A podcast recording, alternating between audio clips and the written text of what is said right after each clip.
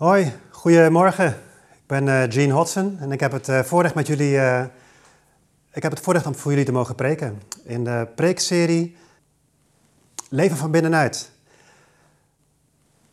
Ja, want in deze coronatijd is het een lastige vraag: hoe moet je als christen goed leven? Hoe doe je dat? Kan je dat überhaupt wel uit eigen kracht? de reden dat ik spreek is dat we binnenkort een doopdienst hebben op 15 november. De principes rondom de doop die hebben alles te maken met de vraag hoe je van binnenuit kan leven. En ze zijn daarom voor iedereen relevant. Dus of je nou gedoopt bent of niet, of je hebt er helemaal niks mee, blijf alsjeblieft luisteren, want uh, in deze preek is er een belofte. De belofte is dat je na deze preek uh, bevrijding zult proeven, kunnen proeven. Je zult uh, proeven dat er een oplossing is voor het gevoel van onmacht en van falen. Ik zal verderop in de preek zelf vertellen hoe ik daarmee omging en hoe de doop mij daarin uh, geholpen heeft. Uh, ik wil eerst vertellen hoe ik uh, begonnen met, ben met geloven. Ik kom zelf oorspronkelijk uit Aruba, waar ik geboren en getogen ben. En als tiener ging ik naar de kerk, maar dat zei me niet zoveel. Ik ben wel christelijk opgevoed. Maar ik twijfelde altijd of ik een kind van God was. En op een gegeven moment las ik in Johannes 1, vers 12 dat uh, iedereen die Jezus heeft aangenomen de macht heeft gekregen uh, een kind van God te worden. Toen besefte ik opeens, oh, ik heb Jezus nodig. Ik ben niet zomaar een kind van God. Dat heb ik toen gedaan. Ik heb echt ervaren dat Jezus mijn zonde vergeven heeft en dat hij daarvoor aan het kruis gestorven is. En ik probeerde daarna als christen te leven, uh, maar ik verzandde al heel snel in regels houden en in wat ik dan zelf noem een project van zelfverbetering. Dus het leven met God lukte maar matig en ik wist al er is vergeving, uh, maar ik hield er bepaalde reserves op na. En ik probeerde zelf de controle te houden over de dingen in mijn leven. Denk aan omgaan met begeerte, met hebzucht, met je eigen ambities. Ik, ik, zat in een tweestrijd en het was alsof ik Jezus had uitgenodigd in mijn uh, levenshuis, als je het zo kan noemen. Ik had hem alleen maar in de ontvangsthal laten binnenkomen en hem niet in alle kamers uitgenodigd. Dus mijn aanpak was van uh, regels houden en ik voelde me daarin zeer onmachtig en ik faalde vaak en dan moest ik weer vergeving vragen. En zo bleef ik kwakkelen als christen. En ik bedacht me, wat is de oplossing nou? Wat is het christelijk leven? Hoe moet je dat leiden? Uh, dat was een dilemma. Dit dilemma had uh, Paulus ook. En we gaan een gedeelte lezen in het boek Galaten over hoe Paulus hiermee omging. Galaten 2, vers 15 tot 21. We gaan het zo lezen en uh, daarna kan je wat vragen voor jezelf beantwoorden. Uh, de vraag bijvoorbeeld, is er een verschil tussen soms zonden doen of een zondaar zijn? Uh, een andere vraag is, hoe moet je nou rechtvaardig leven? Rechtvaardig is een theologische term. Dat wil zeggen, hoe leef je nou goed voor God? We zullen ook lezen dat Paulus zegt dat hij met Jezus Christus gestorven is. Hoe kan dat nou, als hij nog leeft? Hoe werkt dat? Nou, dat zijn allemaal vragen die we gaan lezen in Galaten 2, vers 15 tot 21. Dat ga ik nu lezen. Hoewel wij Joden van geboorte zijn en geen zondaars uit andere volken, weten we dat niemand als rechtvaardige wordt aangenomen door de wet na te leven, maar door het geloof in Jezus Christus. Ook wij zijn tot geloof in Christus Jezus gekomen en daardoor en niet door de wet rechtvaardig te worden want niemand wordt rechtvaardig door de wet na te leven. En in ons streven om door Christus rechtvaardig te worden, blijkt dat wij zelf ook zondaars zijn. Betekent dit dat Christus dus in dienst staat van de zonde? Natuurlijk niet. Maar wanneer ik weer aanneem wat ik had verworpen, maak ik van mezelf opnieuw een overtreder. Want ik ben gestorven door de wet en leef niet langer voor de wet, maar voor God. Met Christus ben ik gekruisigd. Ik zelf leef niet meer, maar Christus leeft in mij. Mijn leven hier op aarde leef ik in het geloof in de Zoon van God die mij heeft liefgehad en zich voor mij heeft prijsgegeven. Ik verwerp Gods genade niet. Als we door de wet rechtvaardig zouden kunnen worden, zou Christus voor niets gestorven zijn. Jullie hebben net dat gedeelte gelezen ook. En uh, ik wil eerst wat vertellen over de achtergrond van de brief aan de Galaten. De gelaten waren uh, heidenen, dus geen Joodse achtergrond. Zij leefde in het huidige Turkije. En uh, toen de tijd, 2000 jaar geleden, Paulus had ze bezocht, had ze het evangelie verteld, hoe Jezus voor hun zonde gestorven was. En uh, ze lieten zich dopen. En ze waren vrij, ze ervoeren vrijheid uh, in Christus. Alleen, ze werden door dwaalleraren op een verkeerd spoor gezet.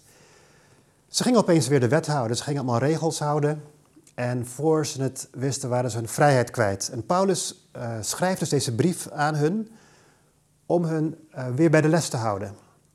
Weer hun te wijzen op dat ze in Christus uh, voor de wet gestorven zijn.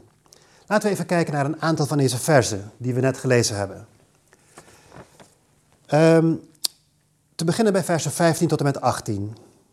Daar staat, hoewel wij Joden van geboorte zijn en geen zondaars uit andere volken, weten we dat niemand als rechtvaardig wordt aangenomen door de wet na te leven, maar door het geloof in Jezus Christus. Ook wij zijn tot geloof in Christus Jezus gekomen en daardoor, om daardoor en niet door de wet rechtvaardig te worden, want niemand wordt rechtvaardig door de wet na te leven.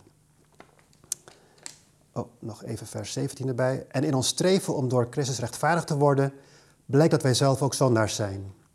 Betekent dit dat Christus dus in dienst staat van de zonde? Natuurlijk niet. En vers 18, maar wanneer ik weer aanneem wat ik had verworpen, maak ik van mezelf opnieuw een overtreder. Wat zegt Paulus hier? Allereerst, hij zegt, uh, regels houden, de wet houden in die tijd, maakt niet dat God jou aanvaardt, dat je aangenomen wordt. Alleen geloof in Jezus Christus. Paulus maakt daarbij gebruik van een uh, theologische term, rechtvaardiging. Dat is een uh, juridisch Romeins begrip in die tijd. Um, en rechtvaardiging is even in uh, Jip en Janneke taal gezegd dat je recht voor God staat. Hoe kunnen we dit begrijpen? Um, ik pak even het voorbeeld van een paspoort. Stel, ik wil in Frankrijk gaan wonen. En ik ga met mijn Nederlandse paspoort naar Frankrijk. En ik word daar als Nederlander, behandeld. Dus men ziet mij niet als Fransman. Tenzij ik een procedure start en, uh, om Fransman te worden. Ik ga dan uh, Frans leren. Ik weet niet hoe dat precies gaat. En ik moet allerlei formulieren invullen. En ik moet uh, allemaal dingen doen om dat Franse paspoort te krijgen. Zodra ik dat paspoort heb, ben ik voor de wet Fransman. Ik heb rechten die allemaal in Frankrijk gelden. Ik kan gebruik maken van voorzieningen daar.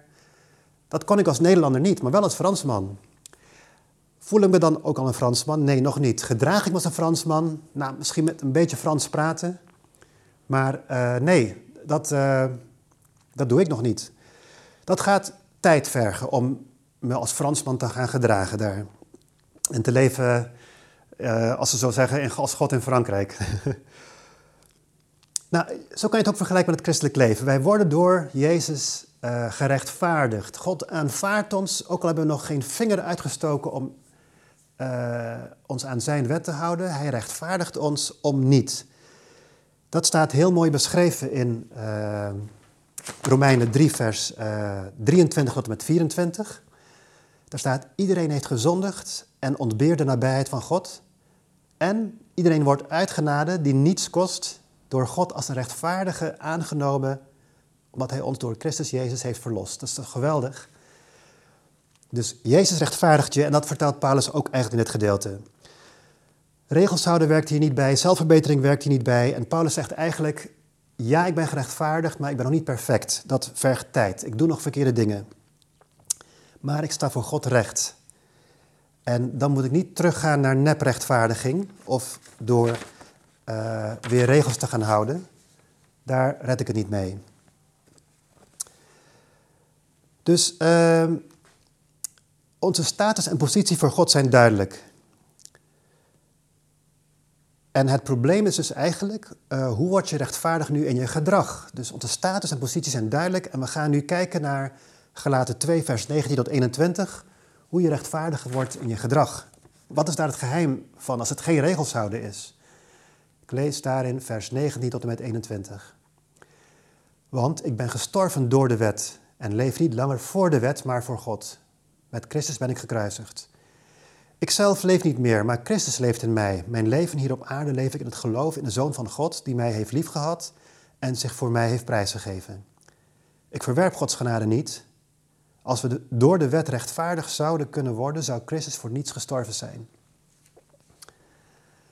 Dus Paulus geeft eigenlijk aan, ik kan de wet niet houden, ik uh, ben voor de wet al gestorven, want ik kon hem niet houden. En dat is voor ons raar om te begrijpen, want die wet eist eigenlijk dat je alles houdt, dat je heilig leeft.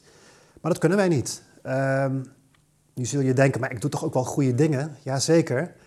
Maar ook al doe jij negen goede dingen en eentje niet, um, dan verpest dat de rest. Dus denk even aan een omelet bakken als voorbeeld. Ik kan een omelet bakken met 10 eieren. Dat is een heel groot omelet. Um, en stel nou dat 9 eieren goed zijn, maar één ei is verrot. Als ik zo nog ga klutsen en ik denk van, ah, dat ene rotte ei, dat maakt niet uit. Ik maak toch maar een omelet met 9 goede eieren en één rotte ei. Dan heb je toch nog een omelet dat verrot smaakt. Nou, zo is het ook met onze zonde. Wij kunnen niet uh, met onze goede daden de slechte compenseren. Je kan onze zonde ook zien als duisternis voor God, want God is licht. En ik kan het even voordoen. Ik heb hier in mijn handen wat duisternis nu, want ik heb, het licht laat ik niet toe. En ik kan, door een kiertje kan ik kijken en dan zie ik een beetje duisternis, maar zodra ik het licht toelaat, dan is het weg. Nou, zo is het met onze zonde. Als wij met onze zonde bij God komen, dan worden wij verteerd. Wij kunnen niet uh, onvolmaakt bij God zijn, want dan sterven we. Dat is wat Paulus eigenlijk hier aangeeft. Paulus besefte dat hij eigenlijk ook aan het kruis had moeten hangen.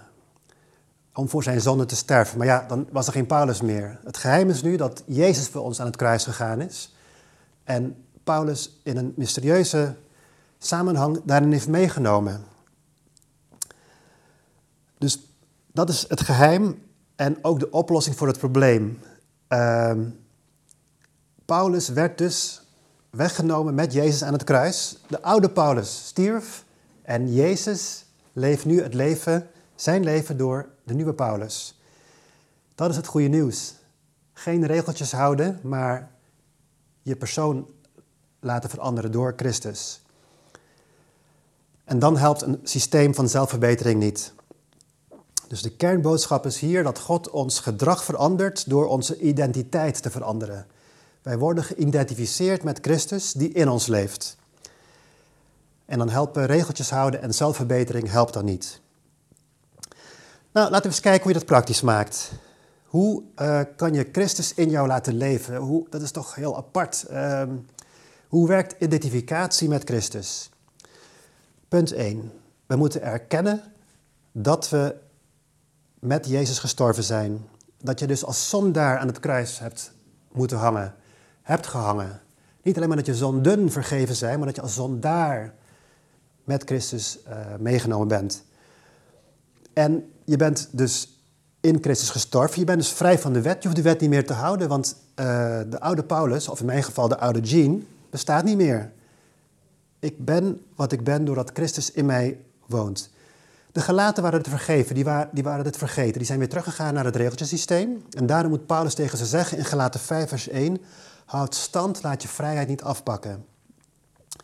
Dus God omarmt jouw imperfecte ik. Uh, en om dat te begrijpen, hoe werkt dat nou, heb ik uh, een mooie tekst gevonden die mij erg, erg helpt in Hebreeën 10, vers 14. Die lees ik even voor. Daar staat, door deze ene offergave heeft hij hen die zich door hem hebben laten heiligen, voor goed tot volmaaktheid gebracht. Bijzonder hè? Voor God zijn we dus door het offer van Jezus volmaakt gemaakt.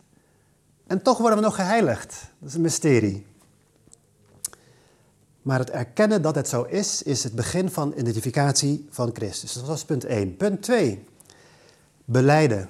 Paulus die beleed, beleiden is een ander woord voor uitspreken in gebed uh, voor Gods aangezicht. Paulus beleed in de, in de brief aan de Galaten, ik ben met Christus gekruisigd, ik zelf leef niet meer, maar Christus leeft in mij.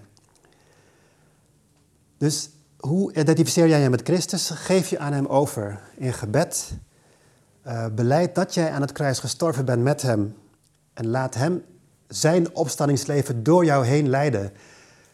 Jezus is opgestaan door de Heilige Geest, staat er in Romeinen 8. En als de Heilige Geest in staat was om Christus op te wekken uit de dood, dan is hij zeker in staat om de effecten van de zonde in ons leven te niet te doen. Laat het even tot je doordringen wat ik net zeg. En ik lees daarvoor uh, Romeinen 8, vers 11, want daar staat hetzelfde. Daar staat, want als de geest van hem die Jezus uit de dood heeft opgewekt in u woont, zal hij, die Christus heeft opgewekt, ook u die sterfelijk bent levend maken door zijn geest die in u leeft. Wauw. Dus erkennen, beleiden en het derde is dopen. We lazen in Galaten 2, vers 20 al een tekst die mij vorig jaar uh, ertoe gebracht heeft deze preek te houden. Ik lees hem even voor in een andere vertaling. Daar staat in de basisbijbelvertaling, want ik ben samen met Christus gekruisigd, toch leef ik. Dat komt doordat niet meer mijn eigen ik leeft, maar Christus leeft in mij. En zolang ik nog in het lichaam leef, leef ik door het geloof in de Zoon van God. Want hij houdt heel veel van mij en heeft zijn leven voor mij geofferd. Weet je, toen ik vorig jaar dit uh, vers las, was ik een beetje flabbergasted, uh, zoals je dat zo mooi zegt in het Engels. Ik was uh, gepuzzeld. Ik dacht van, heer, hoe kan dat nou? U bent 2000 jaar geleden gestorven en nu ben ik ook gestorven met u. Ik was er niet 2000 jaar geleden, hoe zit dat nou? En ik bad erover in gebed. En toen herinnerde mij de Heer mij eraan dat het bij mijn doop gebeurd is. En ook de tekst die kwam naar boven, die dit ondersteunt. Uh, er staat in Romeinen 6, vers 3. Of weet u niet dat wij allen die in Christus Jezus gedoopt zijn, in zijn dood gedoopt zijn? Dus de oude Jean die stierf bij zijn doop. En uh, dat is dus de identificatie met Christus. Alleen dat werkt alleen maar als je gelooft hierin. Dus de handeling, fysieke handeling van het doop gaat niet het verschil uitmaken. Het is een symbolische dramatisering van een geestelijke waarheid. En het leidt tot identificatie. Het is, ik denk dat God het ook zo bedoeld heeft, want uh, ja, het blijkt dat een fysieke ervaring van iets, dat blijf je onthouden. Uh, dus het wordt als het ware ingegraveerd in jou dat jij met Christus gestorven bent. Je gaat onder water. Ik, ja, Soms zouden we een dopeling als het ware onder water willen houden om hem een echte ervaring te geven, maar dat, uh, dat mag natuurlijk niet. Uh, het gaat om de symbolische waarde ervan, die uh, maakt dat iets wat je al gelooft, als het ware ingekerfd wordt, ingegraveerd wordt in je leven. Dan vindt de ruil plaats. Jij ruilt met Jezus, jij geeft hem jouw oude leven, jij krijgt zijn leven. Dat is het geheim van identificatie met Christus en de doop is daarvan een illustratie. Ik wil met jullie iets, uh, een voorbeeld laten zien, die het uh, hopelijk inzichtelijker maakt wat er nou gebeurt. Ik heb hier een uh, handschoen. En deze handschoen nou, hij lijkt op een echte hand. Hè? Hij heeft vijf vingers. Ik zie hier een duim. Ik zie een wijsvinger. Ik zie een pink. Gooi, dat, die handschoen kan waarschijnlijk ook hetzelfde doen wat een echte hand kan, toch? Eens even kijken. Ik heb opeens jeuken achter mijn rechteroor. Handschoen, kan je mijn rechteroor eens jeuken? Nou, handschoen, doe eens wat. Uh, ga eens mijn rechteroor jeuken. Nou, hij doet niks. Nou, je ziet het al, hè. De handschoen, die kan niks doen, want er is geen leven in hem. Maar, zodra mijn hand in de handschoen komt, gaat de handschoen opeens leven. En als ik nu vraag, handschoen, wil je alsjeblieft mijn rechteroor jeuken? Ja, dan kan ik mijn rechteroor jeuken. Geweldig, hè? Nou, het is een illustratie van uh, hoe Christus in ons wil leven. Als jij zonder Christus probeert het christelijk leven te leiden, dan gaat het jou niet lukken. Maar als je Christus in jou zijn leven laat leiden, dan lijkt het aan de buitenkant alsof het dezelfde handschoen is, maar er zit leven van binnen. En dat is het grote verschil. Sommige mensen die doen de handschoen maar half aan. dus Christus die staan ze maar voor een deel toe. Dat deed ik eigenlijk voordat ik me liet dopen. Ik, ik liet Christus wel toe, maar niet volledig. En dan zie je die vingers, die werken nog niet.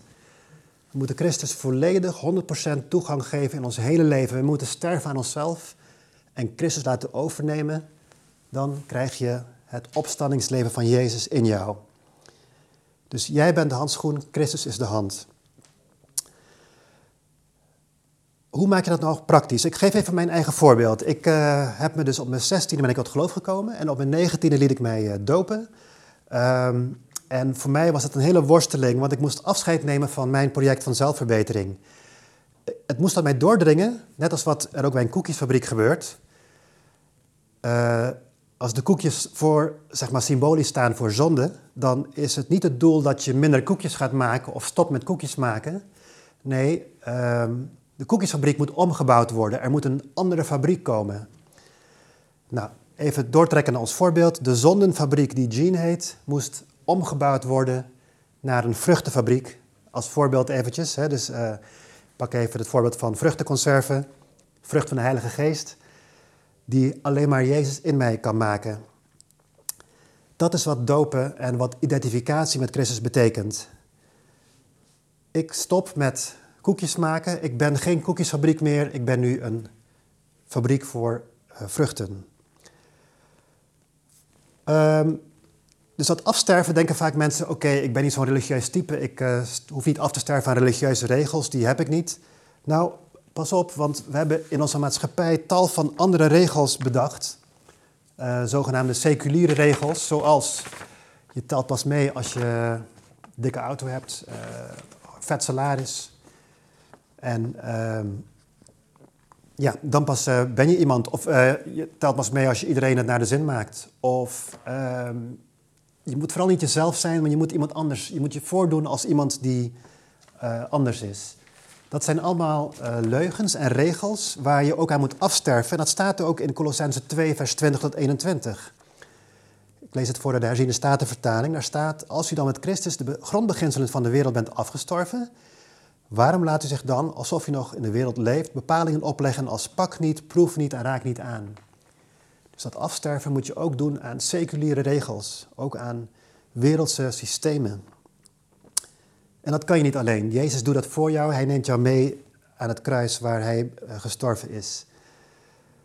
Weet je, toen ik me had laten dopen later en ik uh, ben een tijdje vertegenwoordiger geweest. Ik uh, reisde door het land van hot naar her. Verkocht laboratoriumapparatuur. Ik kwam dus ook in allerlei tankstations en restaurants en hotels. En ik kwam vaak in verleidingen terecht. En ik weet nog verschillende keren dat ik bij de tankstation stond voor het schap met pornomagazines. En ik stond daar en ik stond op het punt om er eentje open te maken. En ik dacht, oh heer, dit kan niet. Ik ben met u gestorven, hoe moet dit nou? Ik, uh, is dit de oude Jean die weer opspeelt? Ik heb Jezus aangeroepen en uh, ik heb heel vaak ervaren dat Hij mij de kracht gaf om niet in verleiding te vallen, om dus weg te lopen daar. En dat kan ik echt door Zijn genade alleen zeggen, want uh, de oude Jean die kon dat niet. Oké, okay, we gaan naar een samenvatting. Hoe moet je in deze coronatijd goed leven? We hebben net gezien dat kan je niet door regeltjes houden, door zelfverbetering. Uh, de manier waarop God ons gedrag verandert is door identificatie met Christus, van binnenuit. We hebben gezien dat het begint met erkennen dat jij met Christus aan het kruis gestorven bent. We hebben gezien dat je dat moet beleiden in gebed. Net zoals ik dat deed voor dat schap met pornomagazines. Beleiden, Jezus, u bent in mij. Ga uw gang, help mij. En we hebben gezien als ten derde dat dopen dan een uh, symbolische daad is waar je dat uh, ingraveert in je leven, als het ware. Uh, dus dit is de uitnodiging. Uh, lever jouw falen in, lever jouw onmacht in. Stop met jouw project van zelfverbetering en regeltjes houden. Of het nou religieuze regels zijn of wereldse regels. Laat Jezus door jou heen leven. Weet je, vroeger, uh, als er dan uh, sprekers waren die dan zeiden dat Jezus van jou houdt, dacht ik altijd van, ja, hoezo Jezus van jou houdt? Jezus is voor de wereld gestorven, niet voor mij. Maar zo zag Paulus het niet.